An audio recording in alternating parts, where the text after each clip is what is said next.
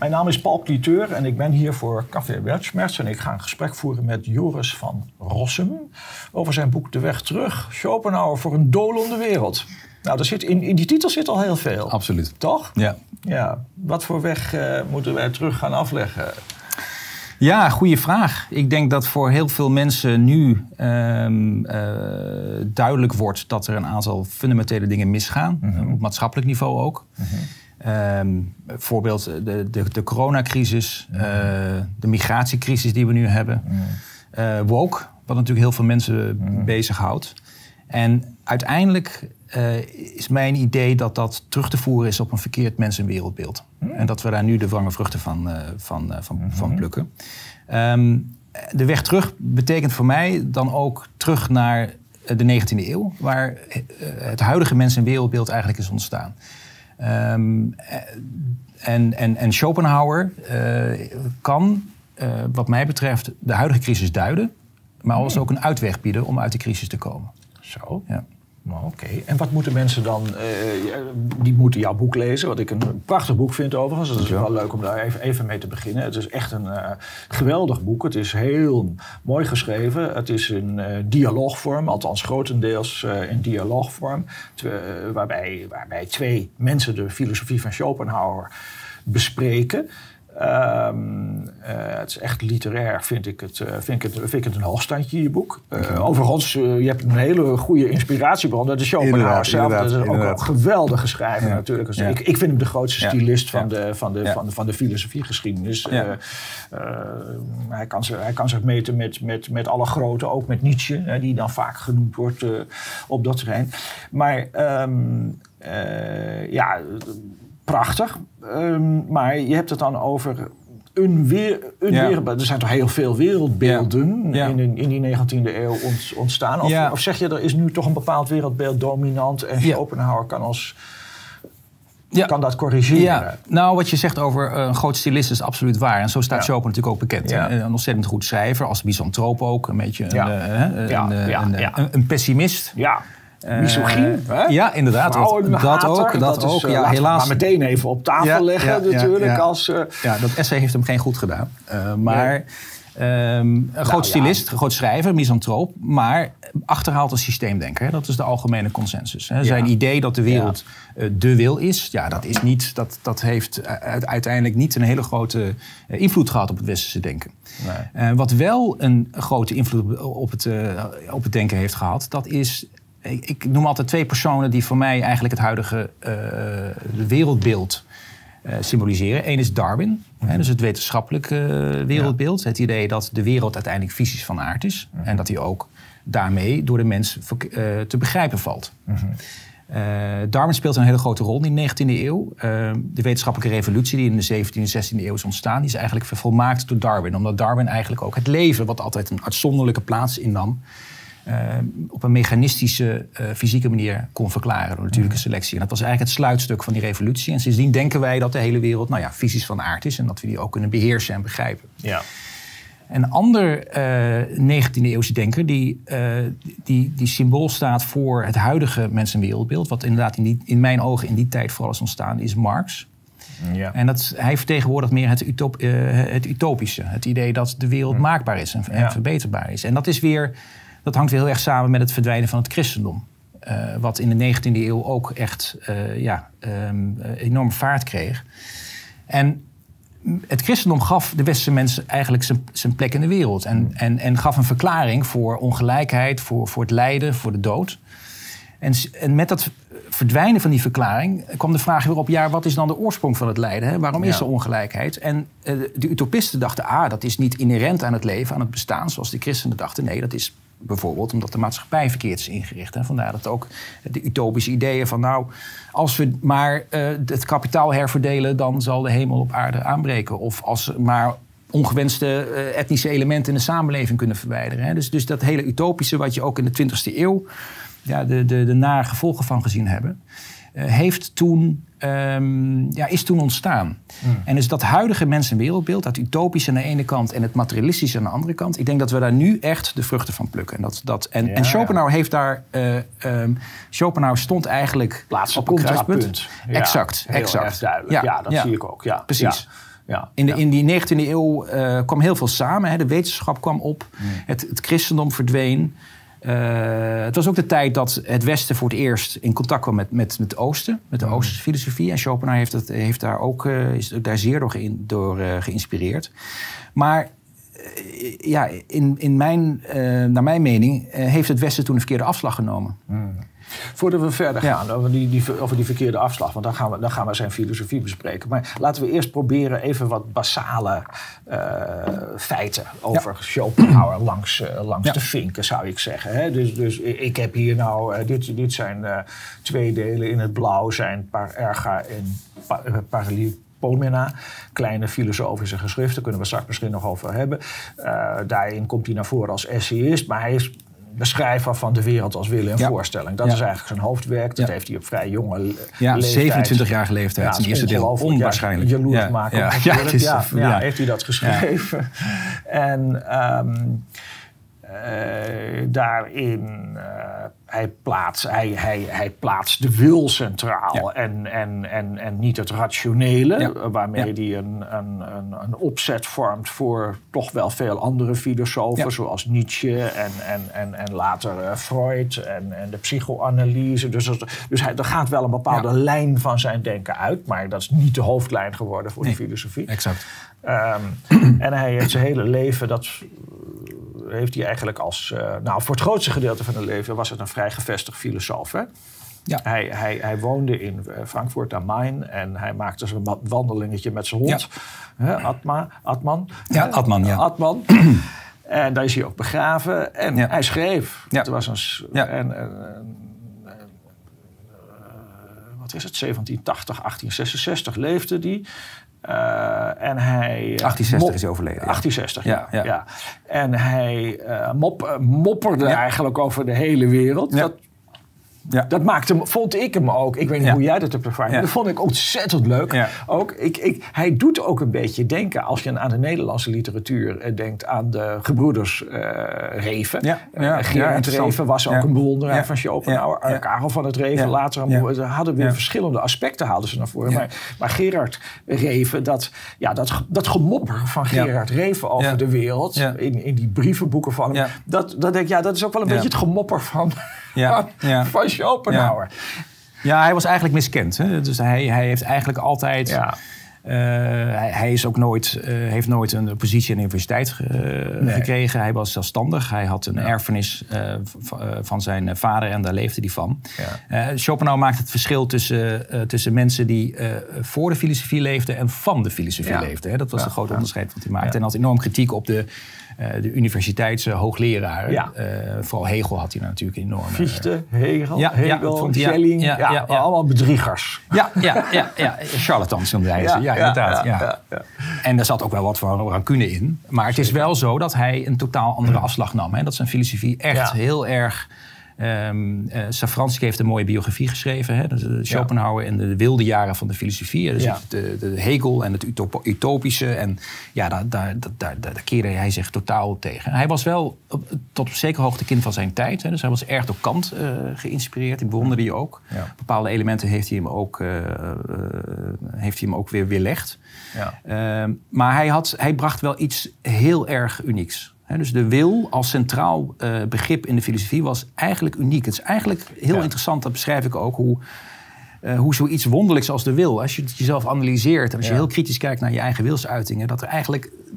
Uh, en, ja, maar dus op 27-jarige leeftijd schrijft hij dan eigenlijk zo'n meesterwerk. Om, en, en, en dat heeft toen aanvankelijk helemaal geen aandacht gekregen. Hij, hij, zijn, zijn, moeder, waar, waar die een hele ambivalente relatie mee had, of eh, nou ja, ik kan eigenlijk wel zeggen, nee, een negatieve relatie, die, die lagen voortdurend met elkaar overhoop. Hij was ongelooflijk eigenwijs en zij was ook een schrijfster van enig enige importantie met een salon en zo. Daar kwam Goethe en allerlei andere.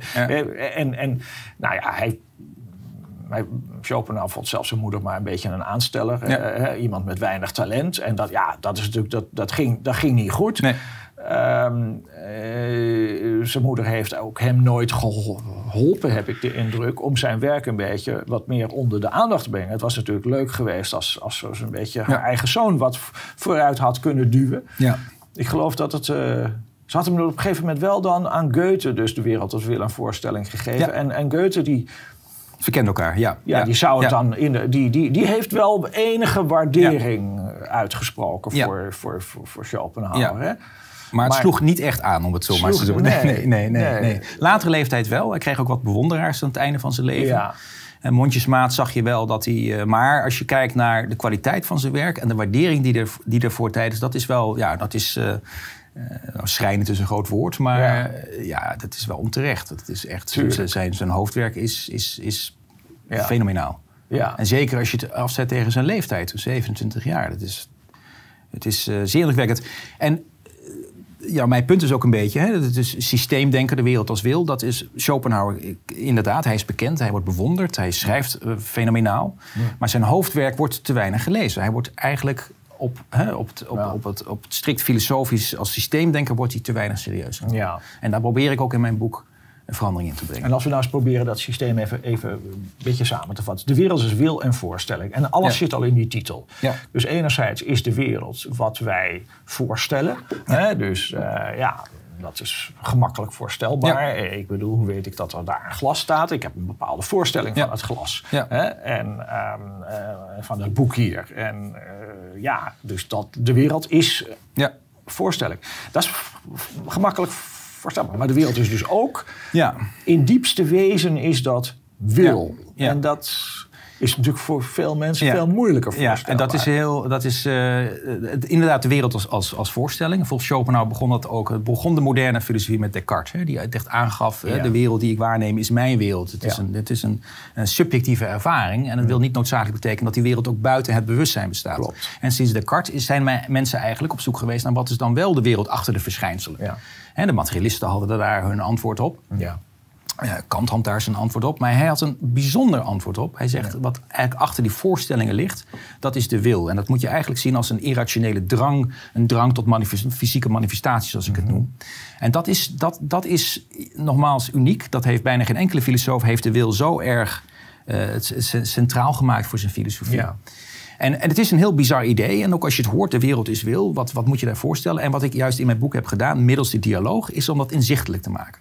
Door inderdaad te beginnen bij je eigen ervaringen en eh, door jezelf op een bepaalde manier te analyseren, dan merk je al dat hè, de verhouding tot wat wij denken dat we zijn en onze wilsuiting, dat dat eigenlijk al niet klopt. En op die manier probeer ik eigenlijk dat, dat inzicht probeer ik eh, mee te geven. Maar voordat we daar naartoe gaan, is het misschien toch ook wel eens. Laten wij ook eens gaan proberen om in ons gesprek ietsje verder te komen in, in ja, ons te realiseren wat dat nou is, die, die wereld als wil. Want het is iets, ik, ik, kan me dus herinneren, ja. jij, uh, jij houdt je al lang met Schopenhauer bezig, ik deed dat ook.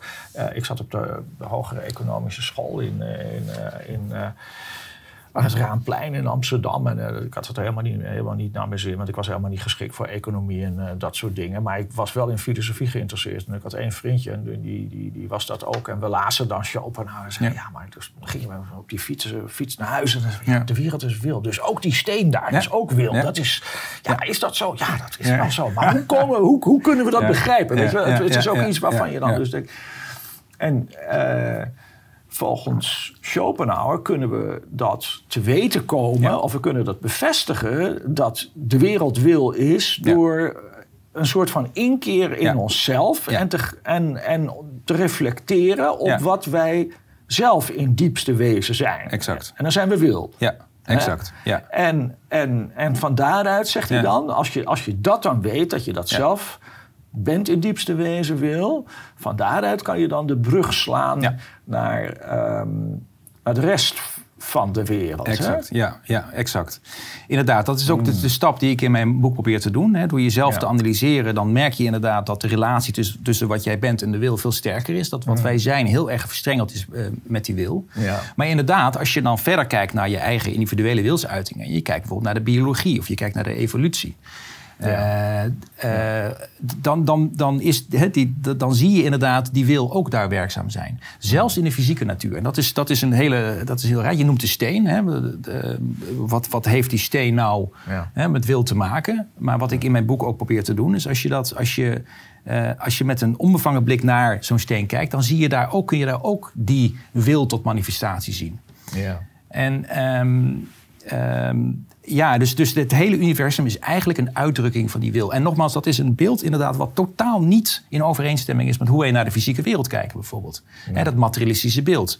De wereld is, uh, bestaat uiteindelijk uit, uh, uit minieme deeltjes. Hmm. En alles is uiteindelijk opgebouwd uit die minieme deeltjes. Ja. Um, en, en dat is ja, dat, en, en dat, dat kantelen van dat wereldbeeld, om een andere manier naar, uh, naar natuurkunde te kijken, maar ook naar de biologie, maar ook naar onze eigen handelingen.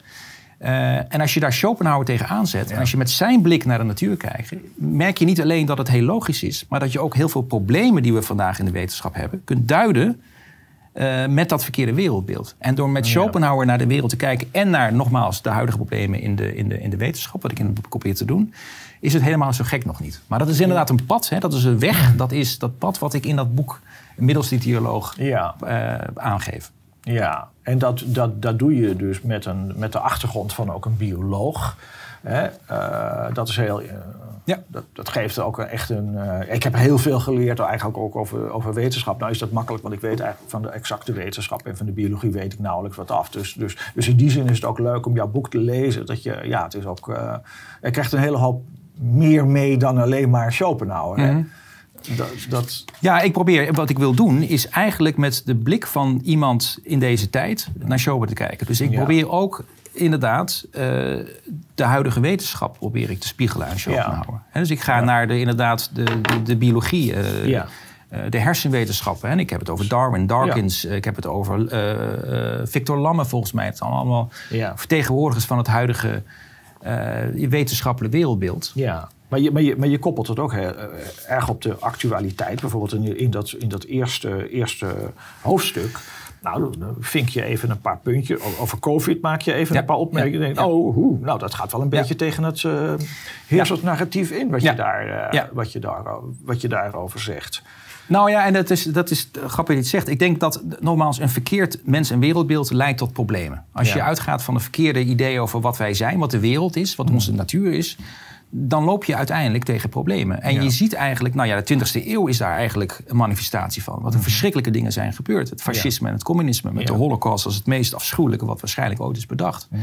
Dat alleen al uh, moet ons aan het denken zetten over, hè, uh, hebben we wel bij het rechte eind? Hebben we, denken we wel op de juiste manier over de mensen en de samenleving? Maar je ziet het ook in de biologie, daar ben ik zelf op gepromoveerd, de evolutietheorie. Hè, het idee van Darwin en nogmaals ik, of nogmaals, ik geloof in evolutie uiteindelijk. Maar ik geloof niet dat natuurlijke selectie uiteindelijk tot die evolutie heeft geleid. Dat is ook een heel materialistisch idee. Dat, dat weerleg ik ook in mijn proefschrift.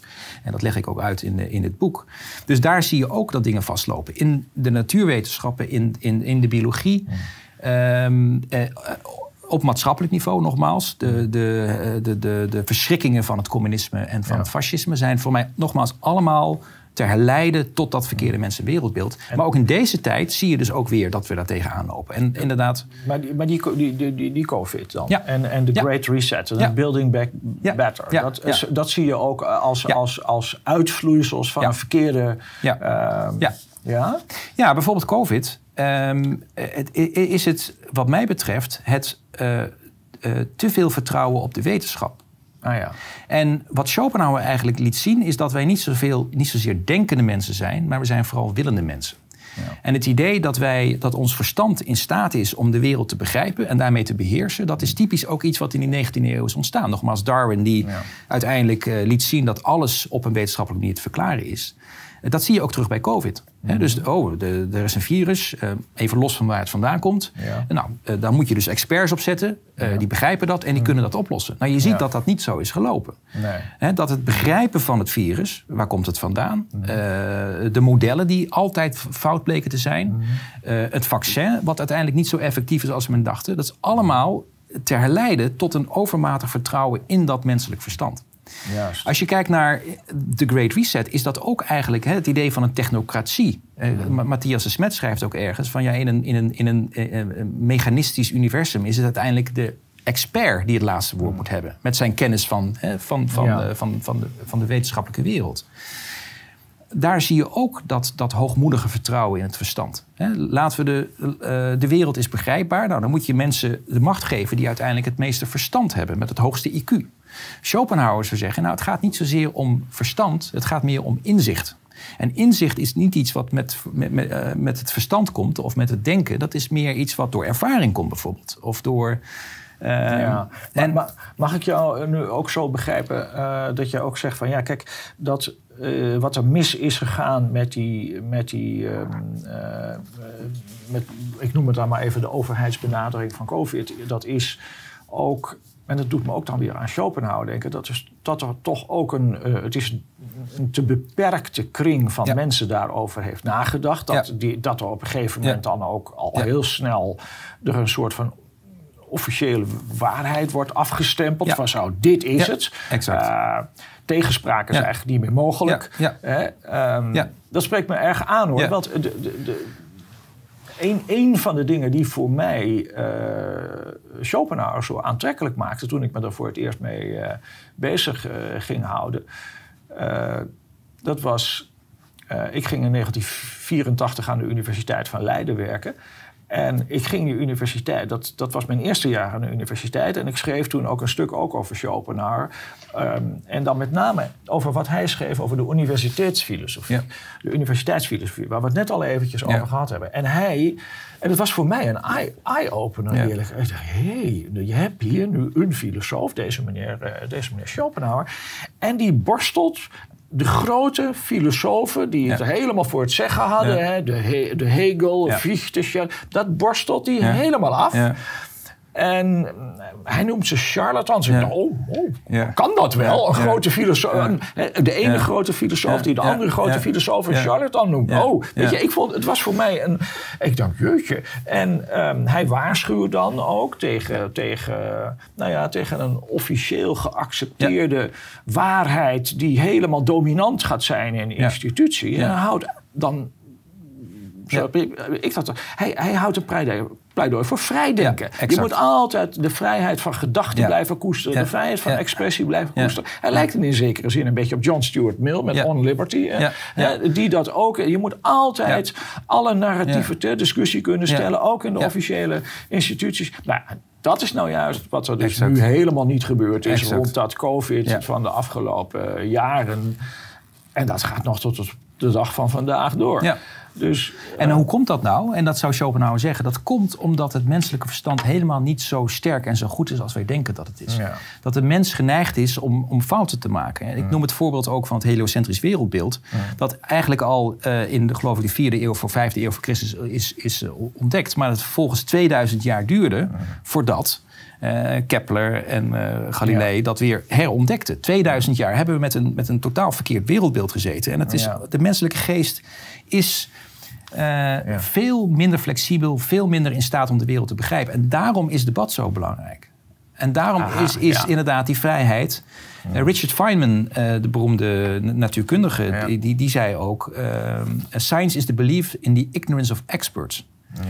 Ja. Het idee dat je een soort experts, technocratische klasse hebben die de wereld wel begrijpen, dat is ja. een illusie. Uh, ja. Kussler, een, een, een, andere 20e eeuwse filosoof die ik, die ik erg belangrijk is, namens trouwens Aldous Huxley, is ook, speelt ook een grote rol in mijn, in mijn boek. Grote, grote denkers van de 20e eeuw. Die, die, die, schreef ook, die heeft een prachtig boek geschreven over dat heliocentrisch wereldbeeld en hoe dat, uh, de Sleepwalkers, fantastisch boek, echt een fantastisch boek. Ja, ik ken het, ja. Die, uh, die zei ook, science, the tree of science grows in a crooked way. Ja. En wat ja. betekent dat nou? Het is niet een, een, een rechtlijnig proces. Het is, het, is, ja. uh, het is fouten, het is herstel, het is debat. En alleen daarmee, met dat proces zo open en mogelijk maken, kom je, komt uiteindelijk de waarheid aan het licht. En dat is inderdaad precies. Maar dat is ook weer nogmaals het idee van het menselijke verstand en de expert en, en de, de technocratie. Wat weer een uiting is van dat mensbeeld, van het wereldbeeld. Wij begrijpen de wereld. Sinds Darwin begrijpen we de wereld. Geef ons maar de macht, want wij weten hoe het in elkaar zit. Maar er moet natuurlijk ook een. Uh, de, de, wetenschap moet eigenlijk ook een, een bepaald ethos hebben. Er moet een, ja. Dus, dus de, de, de, de, dat vind ik dus Mill in On Liberty heel goed in. Je moet natuurlijk ook. Uh, je moet ook het, het, het, het, het de onzekerheden ja. allemaal aandurven. Ja, hè? Dus wat je, de, je had het net al even over woke. Wat, wat, wat, wat ik toch wel, als ik dus nu terugkijk op uh, 38 jaar ervaringen aan de universiteit is toch wel mijn indruk dat mensen ook steeds um, bevreesder worden voor dat zelfdenken. Hè? Dus wat, wat Schopenhauer zelfdenken, um, je eigen, je, je, je, je, je, je, je, bereid zijn om je eigen wereldbeschouwing ter discussie te stellen. En met name aan een universiteit zou dat moeten gebeuren. Dat is een beetje weg tegenwoordig. Zowel bij de studenten die inkomen als bij de universitaire bestuurders is dat zo. Ja. Um, uh, is toch iets van, uh, nou ja, dit, dit hebben we nu eenmaal. Het is nog net niet zo dat, dat men zegt, nou, dit is nu eenmaal de waarheid, die hebben we met elkaar afgesproken. Hè? En uh, kunnen we het even hierbij houden? Hè? En mensen als de vraag trouwens. Hè? Dus Schopenhauer die kon aan een universiteit geen plaats krijgen daar in de 19e eeuw. Hoe zou het eigenlijk nu zitten met hem? Hè? Zou die, als hij nu zou Zou hij, nog zijn boeken uitgeven? Dat zou hij nog... Dat is de vraag. Ja. ja. Misschien bij de Blauwe Tijger. Maar... Ja, bij de Blauwe Tijger. Ja, ja, ja, ja, ja, ja, Nou, dat is wel interessant. En je ziet ook in de laatste jaren het beeld van wetenschap heel erg veranderen. Je ziet de invloed van ideologie ook steeds groot worden. Mm. Trouwens, wat je zegt over woke is interessant. Want dat is ook weer te mm. herleiden tot dat wereldbeeld. Mm. dat is dat het christendom gaf um, een verklaring voor um, nou ja, de misère van de mensheid, het lijden, de dood, maar ook voor ongelijkheid. En hoe kan het nou dat, er, dat de, de ene um, uh, ja, uh, met alle kansen uh, opgroeit en de andere uiteindelijk die kansen niet heeft? Ja. en ja. ook met dat, met dat verdwijnen van die verklaring naar het christendom. Ja. ging men dat weer zoeken in ja, maatschappelijke ontwikkelingen of maatschappelijke dus wat, wat, wat Woke uiteindelijk zegt is... ja, dat komt uiteindelijk door de boze blanke man... die zijn machtsstructuren op economisch... maar ook op sociaal-cultureel eh, niveau heeft geïmplementeerd. Ja. En die moeten we dus afbreken. Ja. omdat ongelijkheid is niet iets wat inherent is aan de wereld. Nee, dat komt door de maatschappij. En dat komt in dit geval komt dat door... Ja. Nou ja, ik heb, een, ik, heb, ik, ik, ik, heb een leuk citaat, dat wil ik je even voorleggen. Dat, dat, dat, stond in het Algemeen Dagblad van... Uh, van twee dagen geleden. Je, je, weet, uh, onze minister van Justitie, uh, Dylan Jezilgus, die heeft onlangs een, schoollezing gehouden waarin zij, um, ze zegt dat paar goede dingen en, en, en ook heel veel foute dingen. Maar de goede dingen die ze zegt volgens mij, dat is dat 2002 de moord op Fortuyn en 2004 de moord op Theo van Gogh, dat dat echt belangrijke gebeurtenissen zijn die onze tijd bepalen. En dat is heel goed, want er is geen enkele minister van Justitie voor haar die dat heeft gedaan. Dus dat heeft ze, goed uh, heeft ze goed gedaan. Maar ze zegt ook een hele hoop verkeerde dingen. Want ze gaat dan, en ze wijst dan twee, um, ja, twee gevaren aan. Eén, dat is uh, woke, dat vind ik ook een gevaar. En twee, uh, complottheorieën, daar ben ik ietsje mm. minder uh, enthousiast over. Maar dan krijg je een reactie, en daar gaat het me nu even om. De reactie van de, van de koepelorganisatie van de 14 universiteiten. De koepelorganisatie 14 universiteiten. Die gaan een reactie geven op dus een verhaal van de minister van Justitie. Die woke als een probleem aanwijst. En dan zeggen ze dit. Deze 14 universiteiten dus. Wij herkennen dit beeld niet. Universiteiten zijn bij uitstek de plek voor open debat, waarbinnen aandacht moet zijn voor de sociale veiligheid van studenten en medewerkers. Ja. Dat dus zijn twee dingen die je botsen, denk ik. Ja. Dat denk ik ook. Maar, maar, zo inter, maar, maar hoe, hoe erg? Dus dat, dat er een officiële reactie komt van de 14 universiteiten. Zegt, nou nee, er is niks aan de hand hoor. Maar wat zo belangrijk is, is de sociale veiligheid van studenten en medewerkers. Ik, ik denk dat als, zelfs nu, als ik dit zeg, en dan, dan zegt een, een, een, universitaire bestuurder: ja maar, dat, ja, maar Paul, dat is toch ook belangrijk? de, de, sociale veiligheid van, van. Weet je wel? Dan moet je gaan uitleggen: nee, daar gaat het helemaal niet om. Op het moment dat je naar een universiteit gaat, dan moet jij het aankunnen dat je iets gaat horen wat je misschien een beetje vreemd vindt of wat je anders verwacht zou hebben. Dat, daar is die universiteit voor. Dat moet je gaan uitleggen. De waarheid is soms pijnlijk. Ja. En, en dat, dat moeten we inderdaad uh, erkennen. De waarheid is soms pijnlijk en het proces van waarheidsvinding is ook pijnlijk. Ja. En uh, ja, de, de, de, angst is een beetje dat de universiteit, wat, die natuurlijk een ontzettend belangrijke rol moet, kan spelen in de samenleving. Zeker in een samenleving waar technologie zo belangrijk is. Kijk nu weer naar COVID. Uh, het, het, het angstig is inderdaad als, um, ja, de ideologie valt eigenlijk niet te rijmen met wetenschap. Die dingen moeten we echt uit elkaar gaan halen. En nogmaals, inderdaad ook we moeten erg sceptisch zijn naar wetenschap, erg sceptisch naar experts. Waarheidsvinding is erg lastig. En het enige wat uiteindelijk ons mensen, hè, nogmaals met die beperkte verstandelijke vermogens die we volgens Schopenhauer ook hebben, het enige wat ons kan echt helpen is dat open debat. Ja. Overigens loopt er daar ook weer een interessante lijn vanuit wat je ehm, wat, je net, wat je net zei, denk ik, over Darwin en Marx. Hè? Ehm, eh, oké, ik, ik, je, hebt, je hebt kritiek in jouw boek op, op, op, op Darwin. En je laat zien dat het materialistisch wereldbeeld van, van, van Darwin, dat daar, daar, daar zitten blinde vlekken in. Ja. Maar het mooie wel weer van Darwin, dacht ik, eerlijk gezegd, maar je moet me tegenspreken als je dat anders ziet. Dat is wel dat hij, hij, hij, hij, hij kon nadenken en hij uh, dacht zelfstandig na. En hij, hij, hij stelde het, uh, het, het, wereld, het heersend wereldbeeld ter discussie. Hij, hij, hij, hij, hij wist ook dat hij, dat hij datgene wat tegen zijn theorie pleitte, dat je dat juist goed moest bestuderen en overwegingen. Dus wat betreft die wetenschappelijke methodologie zat het allemaal wel goed met Darwin. Zeker. Maar maar Marx is in een zekere zin, die ligt aan de grondslag van de woke-ideologie. wat Marx zegt. Want dan gaat het allemaal om sociale wenselijkheid. Hè? Het gaat allemaal om het, om het, het politieke einddoel. Dat is heilig. En al het andere is daaraan ondergeschikt.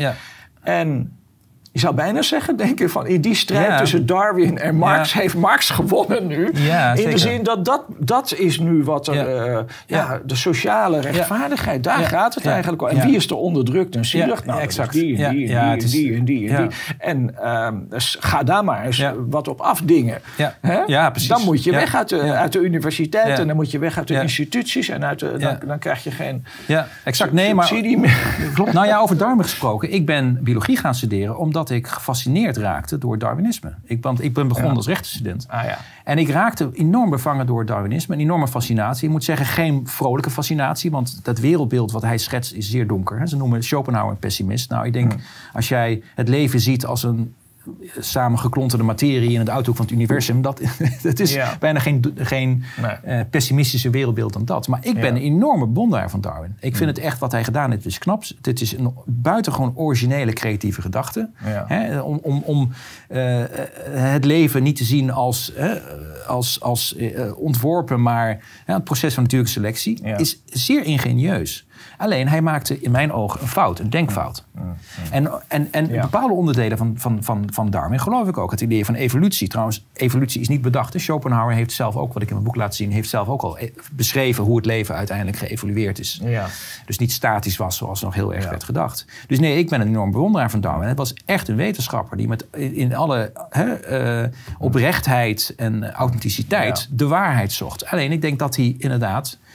Uh, er zijn meer fouten te, te, aan te wijzen. Maar dat hij inderdaad dat hij met natuurlijke selectie dat hij daar fout zat. Ja. En, als je, en dat is dan weer de vraag van hoe komt dat dan wel, die evolutie? Hoe kan die adaptatie dan wel? Wat een groot wijsgerig probleem is. Hoe kun je nou het idee van doelgerichte, complexe wezens rijmen met het idee van een mechanistisch uh, universum? Maar ook daar kan Schopenhauer weer een hele mooie verklaring voor geven. Oké, ja, ja, ja, ja. Uh, eh, oké, laten, we, laten we nog eens dan eens wat dieper op die filosofie van, eh, van, van hem ingaan. We hebben dus nu iets gezegd over de wil. Ehm, hij, uh, hij, heeft ook, hij, heeft een, een, hij heeft over de wilsvrijheid heeft hij geschreven. Hè? Daar heb jij uitvoerige analyse van gegeven. Maar hij heeft ook, dat vond ik dan weer heel erg mooi. Dat is misschien weer meer mijn vakgebied dan, dan dat van jou hoor. Maar um, zijn ethiek. Hè?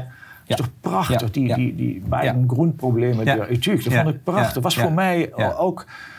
Uh, en daar, daarin ontwikkelt hij de, de ethiek van, uh, van het medelijden. Dus je, je, nou ja, misschien moet jij het zeggen. Nou nee, maar dat is een van... Dat, ja, nou, een van de grote problemen met het huidige wereldbeeld, uh, het mensbeeld, is dat er geen plek is voor moraliteit. He, zoals uh, Victor Lamme, dat was een heel aardig boek. Hè, bij zijn uh, Vrij Wil bestaat niet. Maar ook uh, Sam Harris, een bekende filosoof. Die zien de mens eigenlijk als een biochemische marionet. En daar is eigenlijk geen, geen, geen plek voor, voor goed en kwaad. En er zijn twee problemen die zij, waar, waar, waarom zij de, de, vrije wil eigenlijk afwijzen. En dat is één, dat alles in de wereld eigenlijk een oorzaak en gevolg heeft. Hè. Dus ik handel noodzakelijk op basis van bepaalde motieven. Dus er zit geen vrijheid in. Ja. Ehm, en de andere is dat, dat eigenlijk de meeste van onze handelingen, waar ik ook mee begin, eigenlijk niet, helemaal niet Hmm. door het eh, bewust wilsbesluit in gang worden gezet. Daarmee zeggen ze nou, de conclusie, wij zijn biochemische marionetten, is geen, geen, eh, geen, Ja. geen plek. Schopenhauer heeft daar een briljante oplossing voor gevonden. Ja. En hij zegt, en dat, is, eh, dat, dat, dat leg ik eh, gedetailleerd uit. De vrijheid die wij hebben, de vrijheid van de wil, zit niet in het handelen, want die is inderdaad noodzakelijk, maar die is, die is in het zijn. Wij zijn die wil en die wil aan zich is Ja. Eh, niet gedetermineerd. Die is Ja. niet veroorzaakt door iets anders. Die is Ja. vrij. Het feit dat wij noodzakelijk handelen op bepaalde motieven, eh, dat is niet in tegenspraak met uiteindelijk een vrijheid. eh, Nee. Die wij als, hè, als, Ja. als mens hebben. En daar zit ook zijn, de basis van zijn ethiek. Ja. Eh, eh, uiteindelijk zijn wij wel verantwoordelijk voor onze, voor, voor, eh, voor onze daden. Eh, het lijkt misschien inderdaad eh, in de ervaring alsof wij noodzakelijk handelen. Maar er zit inderdaad eh, die vrijheid en die verantwoordelijkheid zit hem uiteindelijk in, in, in wat, wij, eh, Zijn. wat wij eigenlijk zijn. Ja. En dat, dat is eh, ook, moeten we niet onderschatten hoe uiteindelijk. ehm, eh, Nou. het huidige mens- en wereldbeeld. Nogmaals, er is geen plek voor goed en kwaad. Wat natuurlijk een. Ja, ook nogmaals, eh, eigenlijk een heel on- onwenselijke, maar ook een onterechte conclusie is. Ja, ja, ja. ja ik, eh, hij, eh, hij heeft ook met. hij was voor mij ook een eye-opener, Schopenhauer. Ehm, eh, zijn opvattingen over straf, Ja. over straffen en, Ja. en Ja. morele verantwoordelijkheid en straf. En er is, er is een, ehm, eh, ja, een wijdverbreid eh, idee dat als je, als je als, als de handelingen die je stelt, als die noodzakelijk voortvloeien Ja. uit je karakter, Exact. ja, dan ben je kennelijk niet vrij. Exact. En dan kan alles geëxcuseerd worden. Maar Biochemische marionetten. Ja, Ja. maar dan zei hij, zei, nee, Ja. dan, dan, je bent juist Exact. verantwoordelijk voor wat je bent. Ja. Niet voor wat, Ja. waar je- wat vanuit, helemaal vanuit het, eh, vanuit Exact. het niks komt. Nee, maar datgene, je bent verantwoordelijk voor je eigen karakter. En dat is heel interessant. Het is precies dus de... eh, ja, het is- ja, ik denk dat is precies een beetje. De, het is ook de omkering van Jean-Paul Sartre: van l'homme ce qui se fait. Hij is volledig vrij. Ja. Nee, Nee. je bent misschien gedetermineerd wel door je karakter. Dat is wat je bent. En daar kan je op aangesproken worden. Ook, in, eh, eh, ook in criminele zin. Absoluut. Dat is, eh, Absoluut. Hij brengt inderdaad de verantwoordelijkheid terug. Maar ook de sanctie, hè, de straf uiteindelijk. Eh, wat wat, wat hij zegt uiteindelijk. eh, eh, ik ben in essentie hetzelfde als alles wat ik, eh, wat, wat, eh, alles wat leeft Ja. in, in het universum. Dus als Ja. ik wijze van spreken een moord pleeg, dan pleeg ik eigenlijk moord op mezelf.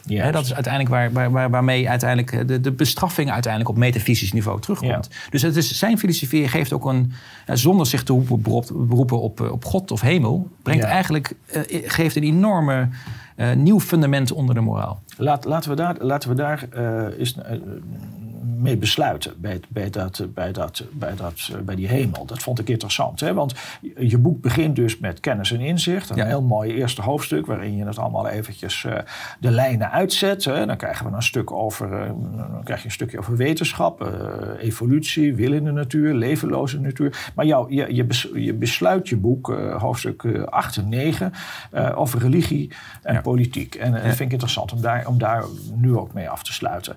Ehm, Schopenhauer was, ja, wat was hij? Was hij atheïst? Ja, Ja, het is een hele. dat- ja, wat, wat- wat, wat, betekent atheïst? Was Ja, hij religieus? precies. Was hij godsdienstig? Ja, Ja. en nee. Ja, ja, nee. Ja, ja. en nee. Eh. Hij was niet godsdienstig in de zin dat hij geloofde in een eh, persoonlijke god. Hij was geen theïst. Nee.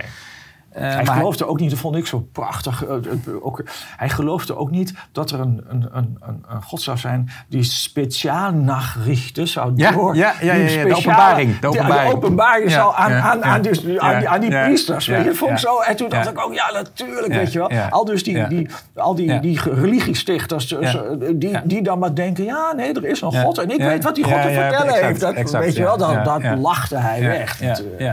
Hij, had, hij had inderdaad een ambivalente houding ten opzichte van religie. Aan de ene kant het theïsme eh, had, hij, eh, had hij grote bezwaren tegen. Judaïsme en Ja. eh, protestantisme, de islam.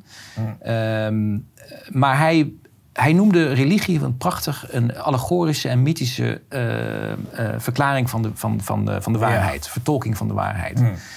Dus hij had ook wel, ik denk uiteindelijk... Wa waarheid in gewande der Lüge. Dus, dus Ja, de waarheid, exact. Maar in de mantel van Exact. de... Van, ja. Ja, ja, ja, inderdaad, prachtige beschrijving. Dus hij, en nogmaals, ook uitgaande van eh, de, de verstandelijke beperking van, van de mensheid. De waarheid kan niet aan iedereen eh, op filosofisch normaal, eh, verkondigd worden. Dat moet je dus inderdaad in een allegorie, in een mythe, moet je dat vertolken. En dat was voor, voor hem. Dat is heel aristocratisch, je kan ook zeggen hooghartig idee. Hè? Nou. dat het, toch of niet? De gewone, de gewone Nou, massa die kan dat allemaal niet. Ja, de- Wij- Die ja, hebben de fabeltjes nodig van... Ja. eh, of niet?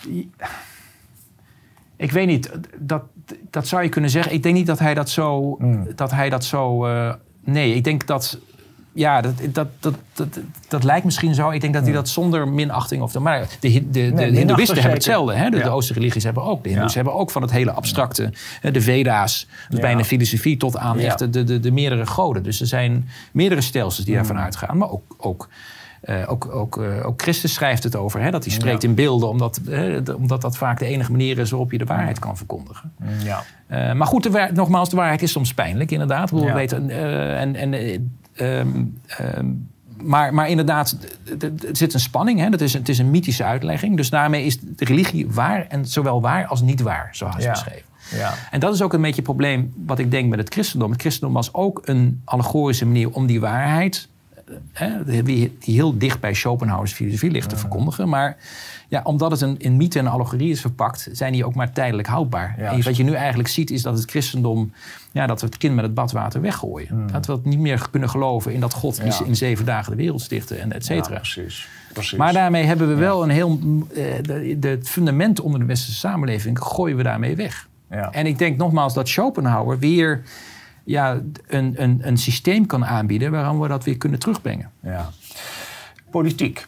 Ja, Eh, is dat nou een, een, een- een heel reactionair mannetje en zo? De, de, de- of, of, of, of, of- Ja. of zit er toch iets... eh, ja ik denk dat reactionair wel het goede, de goede term is. ja. Wat hij vooral, eh, en nogmaals, het allerbelangrijkste wat Schopenhauer eh, mededeelde, is dat de wereld niet voor verbetering vatbaar is. Maar tot op zekere hoogte. Dat we niet moeten denken dat, de, de- dat we de hemel op aarde kunnen brengen.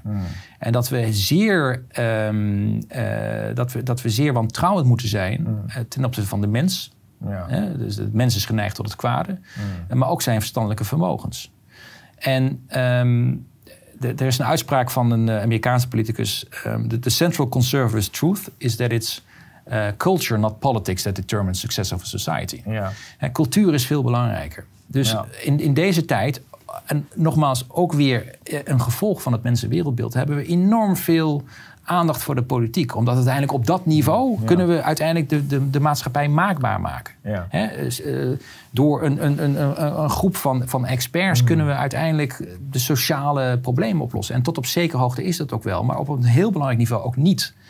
Het idee dat je de wereld beter, nogmaals, het utopische is een groot gevaar. En daar waarschuwde hij ook voor. Juist. Hij had het er ook over, hè? expliciet. Ja, hij dus- zag het dus- ook gebeuren. Ja, hij, hij, hij waarschuwt, mm, tegenwoordig zouden we zeggen, hij waarschuwt eigenlijk voor de totalitaire tendensen Ja. die er eh schuil gaan in, Ja. de, in de ambitie om de hele politieke werkelijkheid te hervormen Exact. volgens eh Ja. blauwdrukken. Ja. Exact, en dat is, dat is ook opvallend. En nogmaals, hij stond op dat kruispunt. Hij, hij was onderdeel van de, de, de grote beweging, de opkomst van de wetenschap, het utopisme, het, het verdwijnen van het christendom. En hij zag al, hij voorspelde al, dit gaat fout lopen. Ja. Hè, eh, demagogen die, eh, die, die zouden be- beweren dat, eh, ja, dat, dat de wereld uiteindelijk verbeterbaar... eh, ja, nogmaals, dat de, de utopie zou aanbreken als, als, hè, als we hen maar de macht zouden geven. En eh, ja, helaas zijn wij een andere kant op gegaan. Ja. En, en nogmaals, de verschrikkingen van de 20e eeuw, maar ook de problemen die we nu zien, ja, zijn toch wel weer te herleiden tot, tot de verkeerde afslag die we, die we toenamen. Oké.